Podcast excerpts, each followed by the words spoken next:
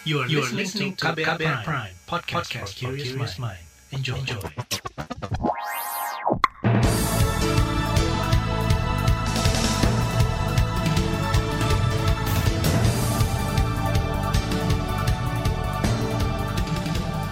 Selamat pagi saudara, jumpa lagi di program Buletin Pagi edisi Rabu 1 Desember 2021.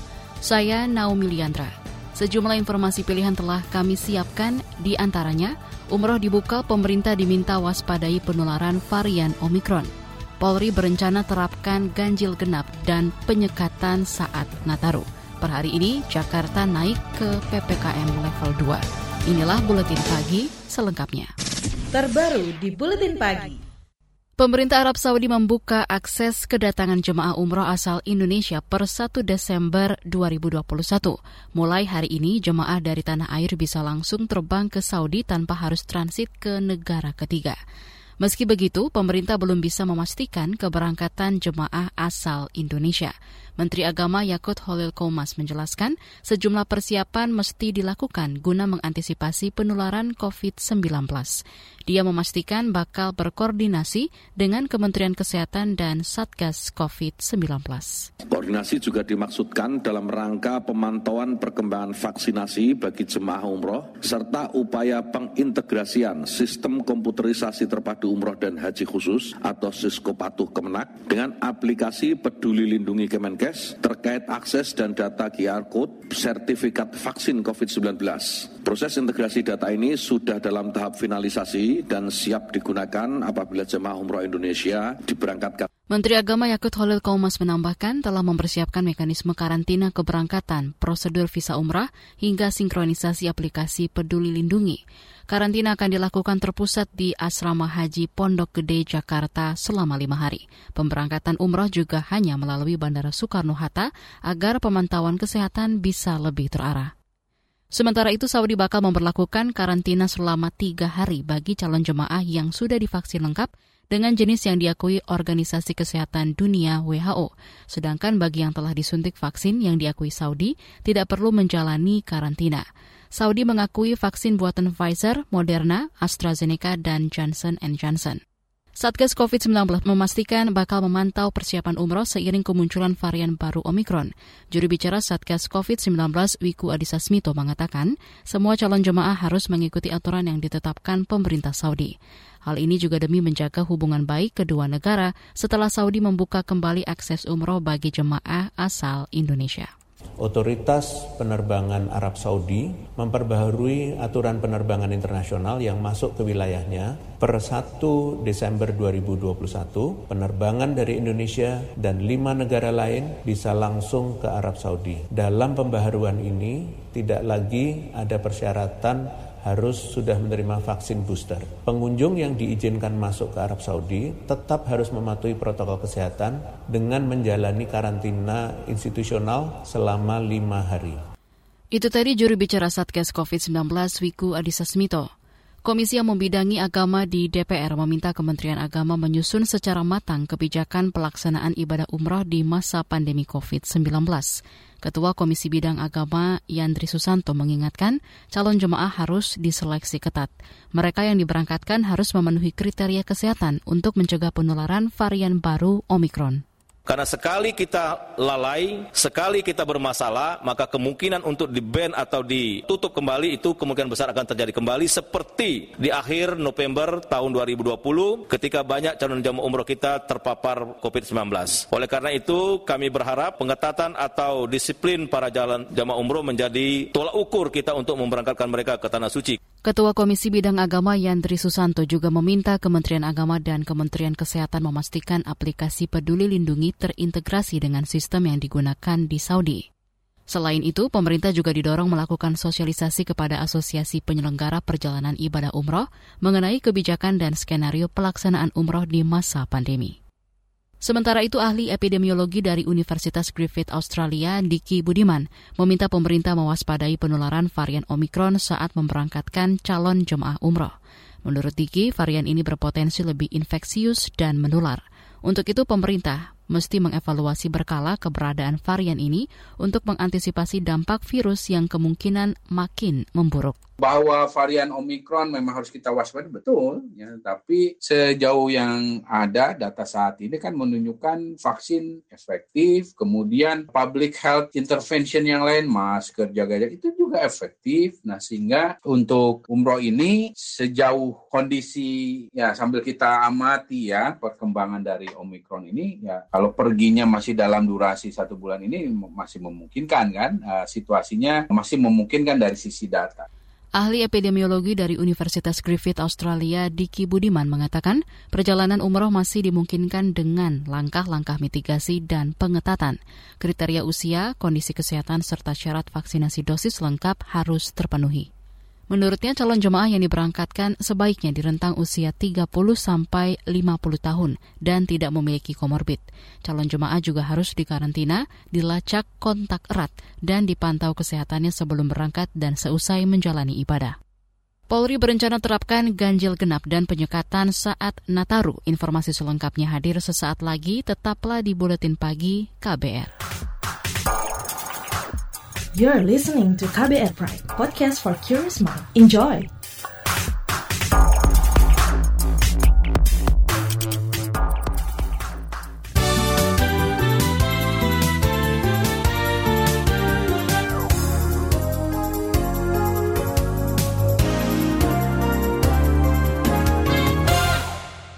Anda sedang mendengarkan Buletin Pagi KBR. Pernyataan Presiden Joko Widodo yang menyebut Undang-Undang Cipta Kerja dan seluruh aturan turunan yang masih berlaku menuai kritikan. Pakar Hukum Tata Negara dari Universitas Andalas, Ferry Amsari menilai, putusan Mahkamah Konstitusi yang menyatakan undang-undang itu inkonstitusional bersyarat harusnya diartikan batal termasuk isinya. Kata dia, undang-undang sapu jagat itu dinyatakan inkonstitusional sampai terpenuhinya syarat yang ditentukan MK. Jadi uh, harus dipahami konsep uji material dan konsep inkonstitusional bersyarat itu. Nah, oleh karena itu pernyataan Pak Presiden yang mengatakan bahwa undang-undang ini masih berlaku karena pasal-pasalnya tidak dibatalkan MK itu tidak tepat karena sifat uji uh, formil itu adalah membatalkan seluruh paket undang-undang itu. Mau tidak mau materi muatannya juga dibatalkan. Pakar Hukum Tata Negara dari Universitas Andalas Ferry Amsari menambahkan, putusan MK memerintah perbaikan di hampir empat tahapan pembentukan undang-undang, dari awal hingga persetujuan. Dia mendesak pemerintah dan DPR menampung aspirasi publik dan mensosialisasikan rancangan undang-undangnya ke masyarakat. Sebelumnya, MK mengabulkan sebagian uji formil terhadap Undang-Undang Cipta Kerja. MK menyatakan undang-undang itu cacat formil sehingga inkonstitusional jika tidak diperbaiki dalam kurun waktu dua tahun. Beralih ke informasi ekonomi, Presiden Joko Widodo mengklaim stok beras nasional cukup untuk memenuhi kebutuhan masyarakat sehingga tidak perlu impor.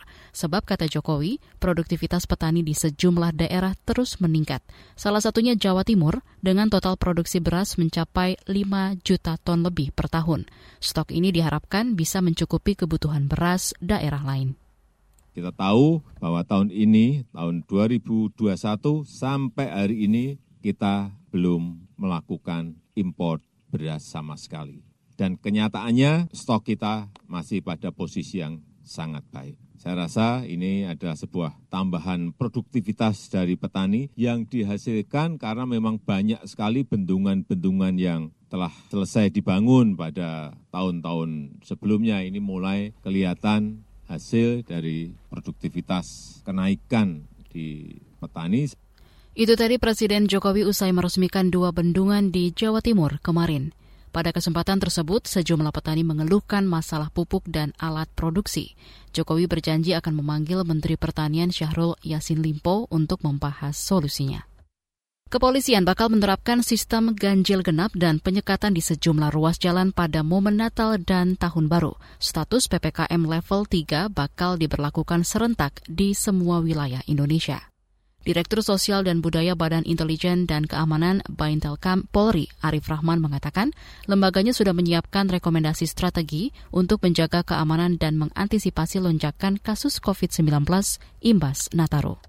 Harus ada kesamaan persepsi semuanya. Bagaimana yang level 3 itu sehingga tidak ada pelanggaran-pelanggaran.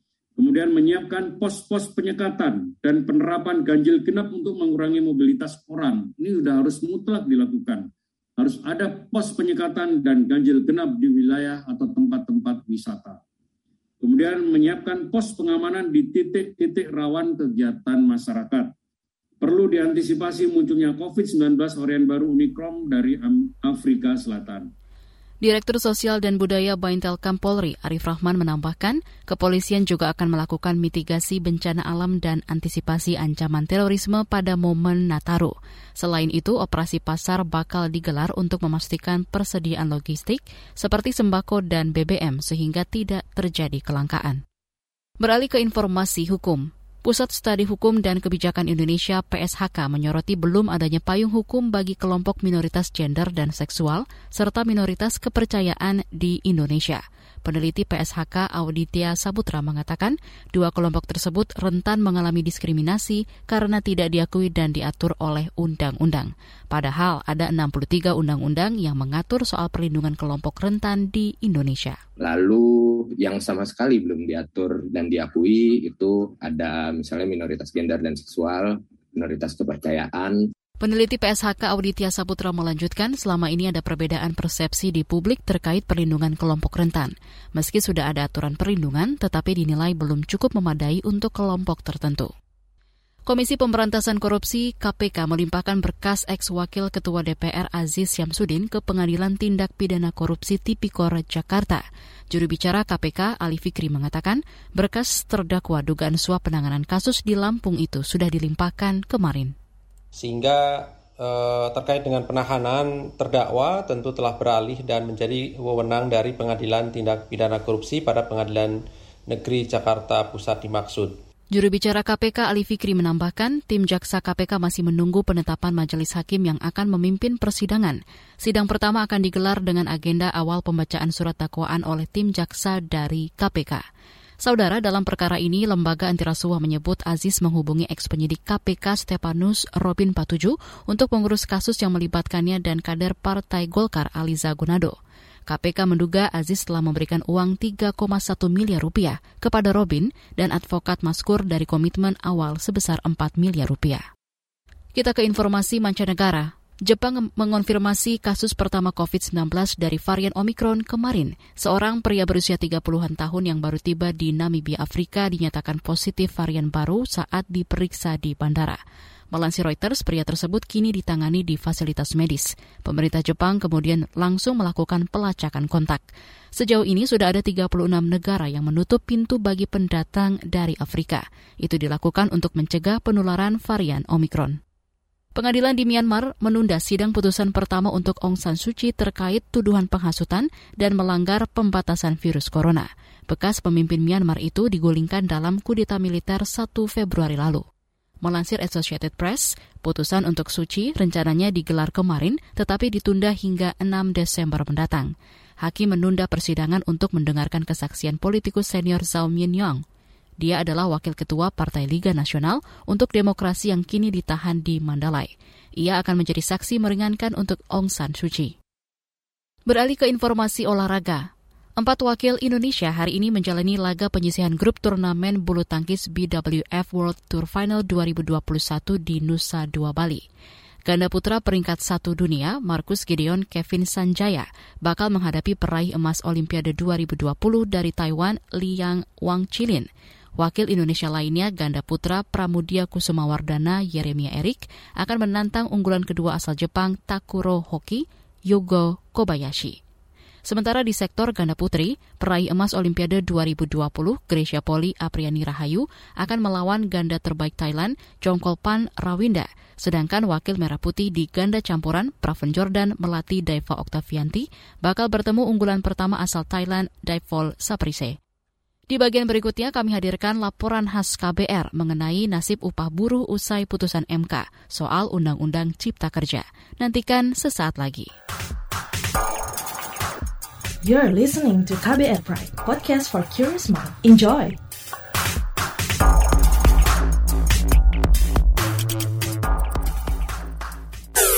Commercial break. Yuk follow sosial media KBR. Twitter at Berita KBR. Instagram at KBR.id. Youtube Berita KBR.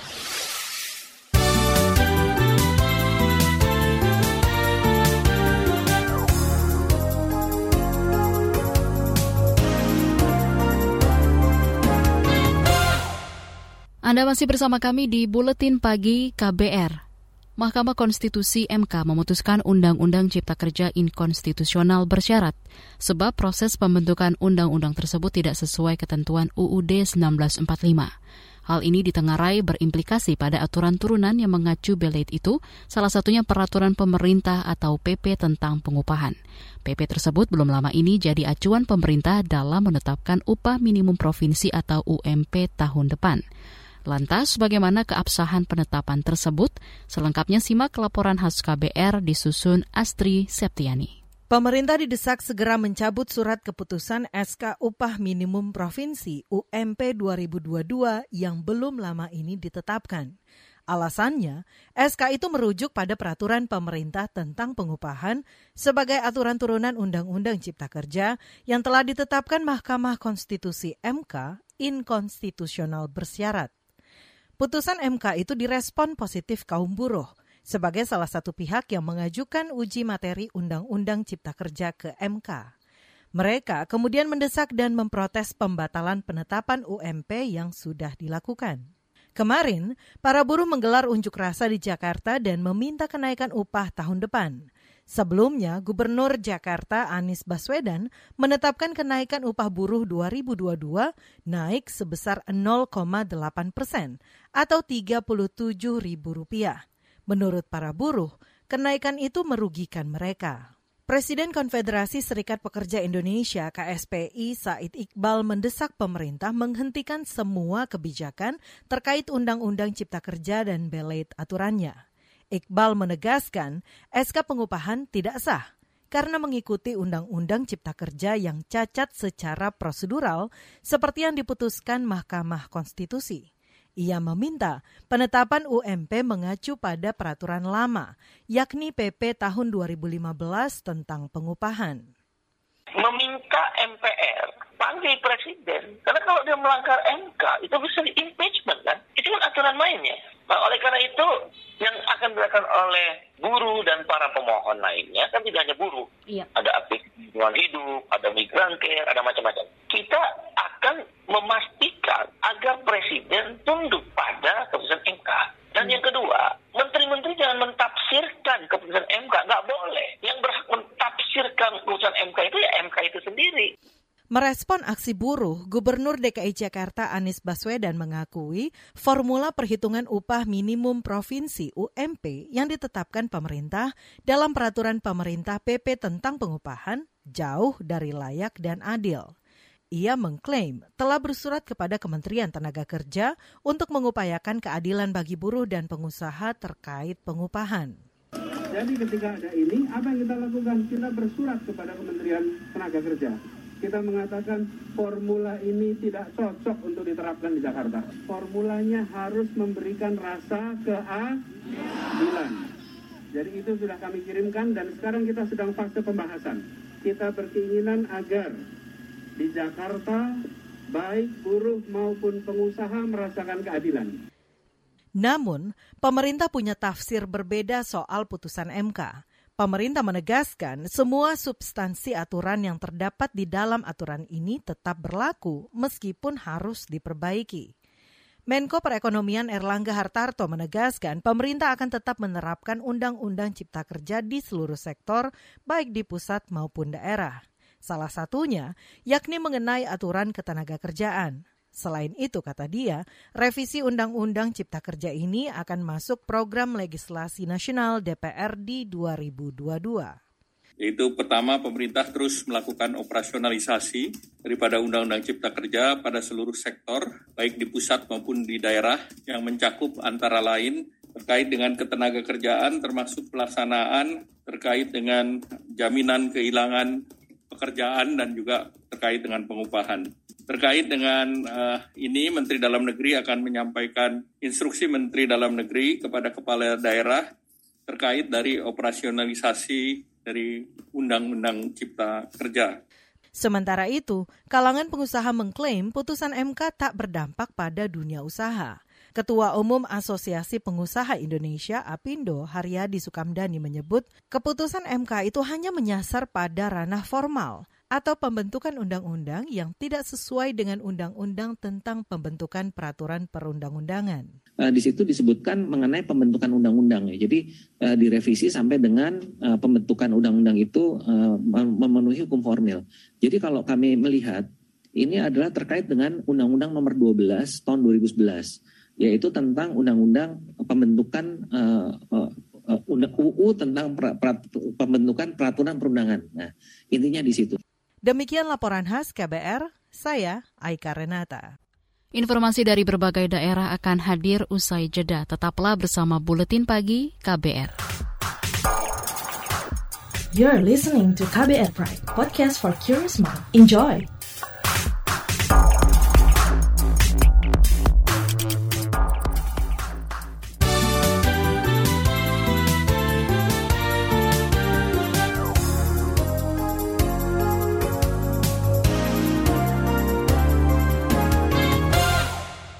Inilah bagian akhir buletin pagi KBR. DKI Jakarta naik status dari PPKM level 1 menjadi level 2 per hari ini hingga 13 Desember. Wakil Gubernur DKI Jakarta Ahmad Riza Patria mengatakan, naiknya status Jakarta ke level 2 harus menjadi peringatan bagi warga ibu kota. Jadi ini kita memang memasuki akhir tahun, libur akhir tahun ini sebentar lagi. Jadi ini proses yang harus kita lalui, kita hadapi. Mudah-mudahan dengan diberlakukannya level 2 ini menjadi warning, menjadi peringatan kita untuk lebih hati-hati lagi, melaksanakan protokol kesehatan lebih taat lagi, lebih baik lagi, lebih disiplin lagi. Wakil Gubernur DKI Jakarta Ahmad Riza Patria menambahkan, Pemprov akan menyesuaikan aturan pembatasan sesuai PPKM level 2. Di antaranya sekolah dibuka maksimal 50 persen kapasitas, kerja dari kantor maksimal 50 persen kapasitas, untuk sektor non-esensial dan mal dibuka maksimal jam 9 malam dengan 50 persen pengunjung. Kita ke Banten, Badan Penanggulangan Bencana Daerah BPBD Kabupaten Lebak mengimbau warga setempat mewaspadai potensi longsor susulan. Bencana longsor terjadi di Desa Cikotok, Kabupaten Lebak pada Senin malam lalu. Melansir antara, Kepala BPBD Lebak, Febi Rizky mengatakan, ratusan rumah terdampak akibat longsor tersebut. Selama ini, kata dia, areal bekas pertambangan emas peninggalan Belanda itu masuk daerah rawan longsor atau pergerakan tanah. Apalagi saat ini curah hujan di daerah itu cenderung meningkat sehingga diperlukan kesiapsiagaan untuk mengantisipasi longsor susulan. Beralih ke Kalimantan Timur, hingga pekan kemarin realisasi penyerapan APBD Kota Balikpapan baru sekitar 60 persen dari total anggaran 2,1 triliun rupiah. Kabak Kerjasama dan Perkotaan Kota Balikpapan Alifiansyah mengatakan telah memanggil puluhan organisasi perangkat daerah atau OPD dan kelurahan untuk meminta penjelasan terkait rendahnya serapan anggaran. Prediksi kita ya pertama juga karena keterlambatan input ya. Dari tahun insya Allah akan akan uh, memenuhi tugas dan kewajibannya sehingga target yang kita targetkan untuk di posisi 85 persen mudah-mudahan akan tercapai lah. Nanti kita akan infokan kembali. Iya, karena kan juga pengalaman setahun yang lalu COVID juga kondisinya seperti ini kan. Tahun lalu Pak? Iya, kemarin posisi 84 kalau nggak salah ya. Kabak Kerjasama dan Perkotaan Kota Balikpapan Alifiansyah menambahkan APBD Kota Balikpapan 2022 telah disahkan yakni mencapai 2,4 triliun rupiah sektor pendidikan dan kesehatan masih menjadi prioritas utama. Sebelumnya, Menteri Dalam Negeri Tito Karnavian meminta kepala daerah untuk menggenjot serapan APBD tahun 2021. Tito mendorong kepala daerah mengidentifikasi program-program bermasalah untuk dialihkan ke pemulihan ekonomi dan bantuan sosial. Kita ke Sumatera Selatan. Mahasiswi dari Universitas Sriwijaya melaporkan dosennya ke polisi atas dugaan pelecehan seksual kemarin. Melansir antara, Kepala Subdit 4 Remaja, Anak dan Wanita di Polda Sumsel, Mas Noni mengatakan, korban diduga dilecehkan secara fisik di ruangan dosennya beberapa bulan lalu, tak lama setelah merampungkan skripsinya. Mas Noni memastikan, Polda Sumsel bakal menindaklanjuti laporan tersebut dengan memeriksa sejumlah saksi, melakukan olah tempat kejadian perkara TKP hingga memanggil terlapor. Informasi tadi menutup jumpa kita di Buletin Pagi hari ini. Pantau juga informasi terbaru melalui kabar baru, situs kbr.id, Twitter kami di akun @beritaKBR, serta podcast di alamat kbrprime.id. Akhirnya saya, Naomi Liandra, bersama tim yang bertugas undur diri. Salam.